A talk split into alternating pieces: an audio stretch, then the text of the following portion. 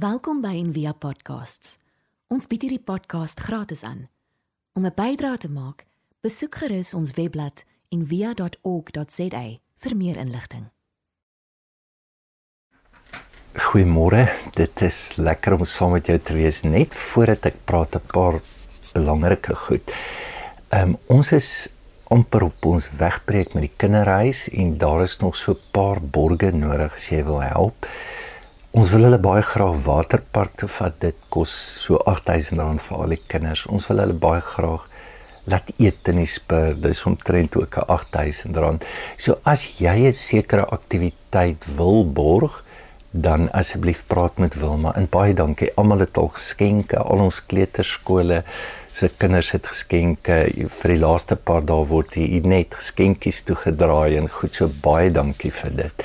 Dan ons laaste diens volgende Sondag uh en dan begin ons die eerste naweek voor die skole begin in Januarie. So en dan is ons die hele vakansie online kan ons mekaar daarom sien en ons met elke sonnige gewone tyd. Nou ons praat op die oomblik nou oor wat beteken Kersfees en op die kerkkalender word dit die Advent genoem. So Advent beteken net die koning kom en in die ou antieke tyd as die koning 'n dorp besoek en hulle boodskap voor die tyd gestuur en sê hoor die maak reg. Maak die dorp nou skoon. Kry hierdie goeie plekkie koning kom. En in die kerk was die tradisie eintlik nie soos wat dit vandag is nie. Dis hierdie reuse opbou na amper vermorsing. Ons koop goed wat ons nie nodig het vir mekaar en ehm um, dit was hoe gaan ek binne toe? Daar's gevas daar's gebid daar's gewag is amper hoe maak ek my lewe skoon en berei kom voor om die geboorte van Christus in my eie lewe te kan ervaar. Hoe maak ek plek dat Christus opnuut gebore word in my? Sê en mag hierdie tyd ook vir jou na so 'n plek toe vat wat jy dit kan voel. So ons praat vandag oor Josef. So Josef is bietjie hy's 'n randfiguur uh veral in ons kringe. Ek onthou jare terug toe ek moes praat in Italië toe was daar protestante en katolieke en ek klik toe baie lekker met die katolieke en hulle vra my om saam met hulle te bid in die oggend. Hulle het vaste tye, ek het nie geweet dis voor 5 moet ek al daar wees gaan bid en ek onthou die eerste keer is hierdie massiewe moeder Maria oor die kans maar dis regtig groot. En die ou Dominique was 'n pel wat ek daar ontmoet. Ek sê toe vir hom oor die gee om ek verstaan julle gaan so deur haar ek gaan sommer direk en hy lag hy sê jy's so goeie protestant. Hy sê jy's ook so goed geïndoktrineer. Maria is net die moeder van God. Ons aanbid haar nie. O ja, en Josef, die vader van God. En ek klik toe hoeveel St. Joseph kerke is daar oor die wêreld? Dis duisende. En ongelukkig ons lees amper oor hom. Want ek dink dan nie hy pas lekker in in ons metro mail setup nie. Ek dink uh, hy hy um, waar mans nou vandag geobjektiveer word hulle portefeuilles en hulle status en hulle superliggame en dit daar's niks niks wat gaan resoneer met hom. Twee goed wat groot is wel. Hy weet wat in ons in onsekerheid te doen. En ek dink daar COVID iets baie groot uitgewys is hoe weerloos baie mans is as daar onsekerheid is. Hoe hoe volg jy God in onsekerheid is die een ding. En dan net hoe maak ek kyk Petrus sê broers julle met julle roeping en julle verkiesing vasmaak. So baie van ons het 'n roeping en soort van 'n vaai idee van wat die Here wil hê, maar hy's nie geanker nie, hy's nie vas nie. So kom ons kyk na 'n paar goed hoe Josef dit doen. Dit is is eintlik ongelooflik. So ehm um, in die eerste plek moet 'n mens sê ehm um, sy sy benadering tot godsdienstigheid en selfs die kultuur moet jou hare laat rys en is iets wat jy moet leer. So Matteus 1 is nou die bekende gedeelte van die geboorte van Jesus en daar's so 'n paar goed wat ek net vir jou min of meer wil wil wys in die eerste plek. So hy word genoem 'n man van die wet en hy was getrou in die wet van Moses in vers 19. So wat beteken dit? Hoe lyk iemand wat nou so is? Is hy ehm um, toegewyd? Is hy eng?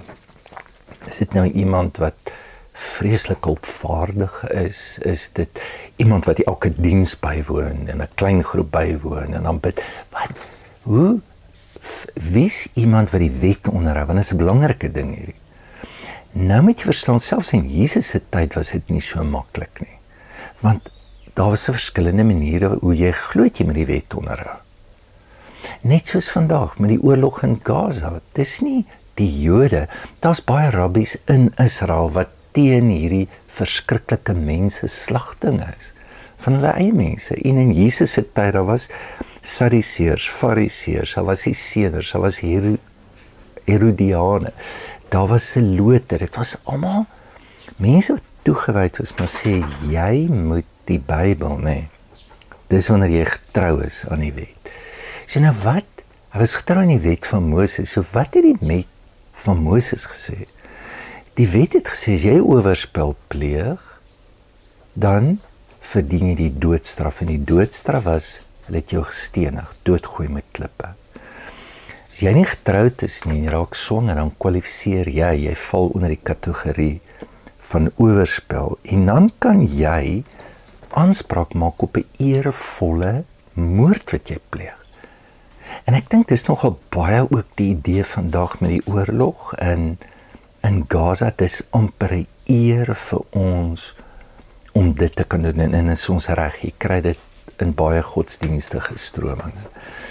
Ehm um, en wat dit sou beteken is so vrou en veral as jy jonk is soos Maria word jy doodgooi voor jou ouer huis met klippe. Nou hy breek dit. Ek bedoel hierdie is modder in die gesig van enige godsdienstige en kulturele bestel. Dis hoe dit werk. So wat doen Josef? Hy vat die beginsel van liefde. Dis hoe hy met die wet en met die Bybel werk. So ek dink is is iets wat mense verskriklik mis. Ons raak so behep met wat's reg en wat's verkeerd en op die einde is jy maar net soos al daai strominge in Jesus se tyd. Dis jou reg en is jou die die die die vraag is nie is ek reg nie die vraag is hoe het ek lief want dan sal jy outomaties reg wees. En Josef besluit nee. Ek wil hierdie ding vashou. Ons gaan nou iets daaroor sê. En op 'n manier modelleer Jesus hierdie selfde ding. Hy breek ook die wet van Moses deur 'n vrou te vat, hulle sleep haar uit, sy word in oorspel gevang. En dan doen Jesus hierdie ding, hy skryf net in die sand. So wat is sand toe? Daar seker baie interpretasies, maar grond beteken net mens, dis die sterflikheid, dis die gebrokenheid.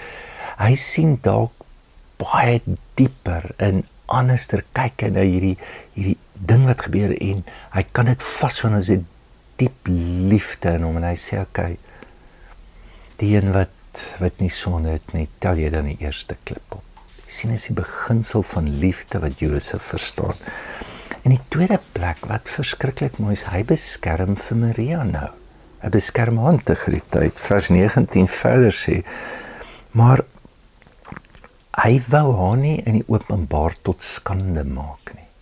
Dit is ongelooflik. Maar hy het 'n ander idee. Ek gaan haar skei. Ek gaan haar los want 'n verloving in daai tyd was omtrent soos 'n troue. So okay, ek ek gaan uit hierdie ding uitklim. Ek ek ek, ek dink net aan die moeilike gesprekke wat hy moes haar met haar gehad het, maar jy nie het jy niemand ook in jou lewe nie, maar hoe is dit moontlik en dis moeilik nê hoe wat doen jy as dit voel maar die bewyse of die logikas voor die hand liggend loop hy net probeer hy bietjie face wen probeer hy bietjie ja dink net jy weet hoe goed sal hy lyk want dit was sy gewees gebruik hierdie geleentheid om sy ego behoeftes te versterk? Nee. Hou dit vas. Is vir my moeilik en ek dink ek is baie jonger in my lewe ek kan nie in moeilikheid sit of of pyn vir op pyn of goed wat seer maak. Hierdie is ontsettend seer. Hierdie is die grootste skande wat oor jou kan kom. En ons kan nie sit met ons families, met ons kerke, met ons wil breek, ons wil wegloop ons nie. So waartoe gaan hy? Hy hardloop nie na die sy manne in deel dit of hy gaan nie in blokker alles uit. Waarna toe gaan hy? Na die stilte toe. Binne toe. Dis ongelooflik. Dis miskien iets van manne wat wat ons mee sukkel. So ons wil eerder ons connections trek of ons wil net hierdie hierdie ding wat gebeur net inpas by die die ander goed in my lewe wat wat dan my manlikheid wys. Luister wat Thomas Merton gesê het.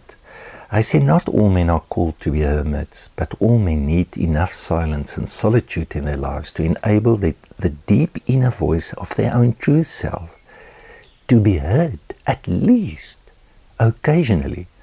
And when that inner voice is not heard, when man cannot attain to the spiritual peace that comes from being perfectly at one with his true self, his life is always miserable and exhausting, for he cannot go happily for long, for long unless he is in contact with the springs of spiritual life, which are hidden in the depth of his own soul. If man is constantly exiled from his home, locked out his own spiritual solitude, he ceases, he ceases to be a true person and he no longer lives as a man.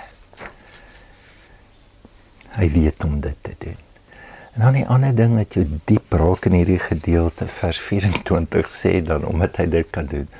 En Moses trou met Maria. So hy wou eers skei, hy wou eers die verloving, hy wou uitklim. Mens sien hy kan dit lank genoeg vashou. Wat gebeur nou? Hy maak dit vas. Nou hierdie is 'n groot ding, nê. Nou, hy trou met haar, so wat doen hy? Hy vat nie klein Mariaatjie, klein Mariaatjie met wie hy lewe rondom sy beroep bou. Hy draai dit om. Hy bou nou sy lewe om sy gesin. Besigheid is nie die belangrikste nie. Met weet hy diep verhoudinge daar. Hy sou hierdie tryd as 'n uh, skrynwerker by sy pa geleer het. Hy's besig Hy weet hy moet dit vir Jesus leer. Hy dis sy hele netwerk is daar. Hy sy community is daar. Sy alles is daar. Hy sê, "Kyk, dis tyd om los te maak." En dan die laaste ding, ek met jou raak. Hy hy sy verhouding, hy hy's die hy's die pa van Jesus, maar dis nie sy celebrity status. Hy is die pa van Jesus tipe van ding nie. Die Bybel sê in vers 25 en Josef en Josef noem hom Jesus. Hy noem hom op sy naam. Kyk so wat is jou naam? Dis die som totaal van die ervaring van jouself. En dis hoekom jy so so belangrik is dat jy in stilte dit kan weet wat dit is want anders die ervaring van jouself as dit net kom deur wat mense sê en die buite en dink nou maar net hoe raak dit hom met alles wat nou sê word in die dorp, die skinderbekke, die goed. Josef gee hom sy naam, noem hom op sy naam. Josef laat hom ervaar dit wat hy nou doen dat jy nog meer belangrik is as my beroep, as enige iets in my lewe. Ek gee my lewe vir jou. Dit is ongelooflik. En ek dink Jesus moes dit ervaar het. En so stap Josef in 'n wêreld in wat hy ongelooflik baie prys gee het. En en hy's die Vader van God. Sy grootste verleentheid word die grootste geleentheid. En dis miskien waarvoor Advent ons uitneem. So wat is dit? Wat is die prys wat ons ook moet betaal as ons voel? Maar dit wat nou gebeur is van die Here. Kom ons bid saam. Here, dankie vir Josef. Dankie vir hierdie spieël van manlikheid. Dankie dat U ons uitnooi om in tye van onsekerheid vas te hou tye van onsekerheid, u droom, u plan, u trek in ons lewe wat groot veranderings in ons lewe bring. Ons laat anders ter laat dink oor ons omstandighede. Mag ons daai gawe ervaar in hierdie tyd. Amen. Baie dankie vir die saamwees vir oggend. Ehm um, dit is altyd lekker om saam te kuier met jou. As jy nou so voel, kan jy gee deur SnapScan Ehm um, baie dankie ook vir julle ondersteuning. Jy kan ook op die webblad, daar's baie ander maniere wat jy ook 'n bydrae kan maak. Dan wil ek ook net sê terwyl ek nou praat oor Josef, dink ek daaraan ehm um, volgende jaar het ons 'n paar onderskeidingstydperk. Dis regtig 'n tyd as jy wil weet om na binne toe te gaan. Dit wat Josef baie goed kon doen. En perspektief kry en dalk goed wat jy geglo het kan verstel moet dit nie verstel net met advies wat jy kry nie. Gebruik doen dit altyd sekondêr. Kry daai verstelling deur 'n diep innerlike belewenis met die Here. So kyk uit. Um, ek weet in Februarie is daar een ons nog twee of drie plekke oop en dan vir die res van die jaar ons sal lange ook van 10 dae. Jy kan net die kantoor kontak. Geniet die dag. Ons hoop van harte jy het hierdie podcast geniet of raadsaam gevind. Besoek gerus en via.ok.za vir meer inligting.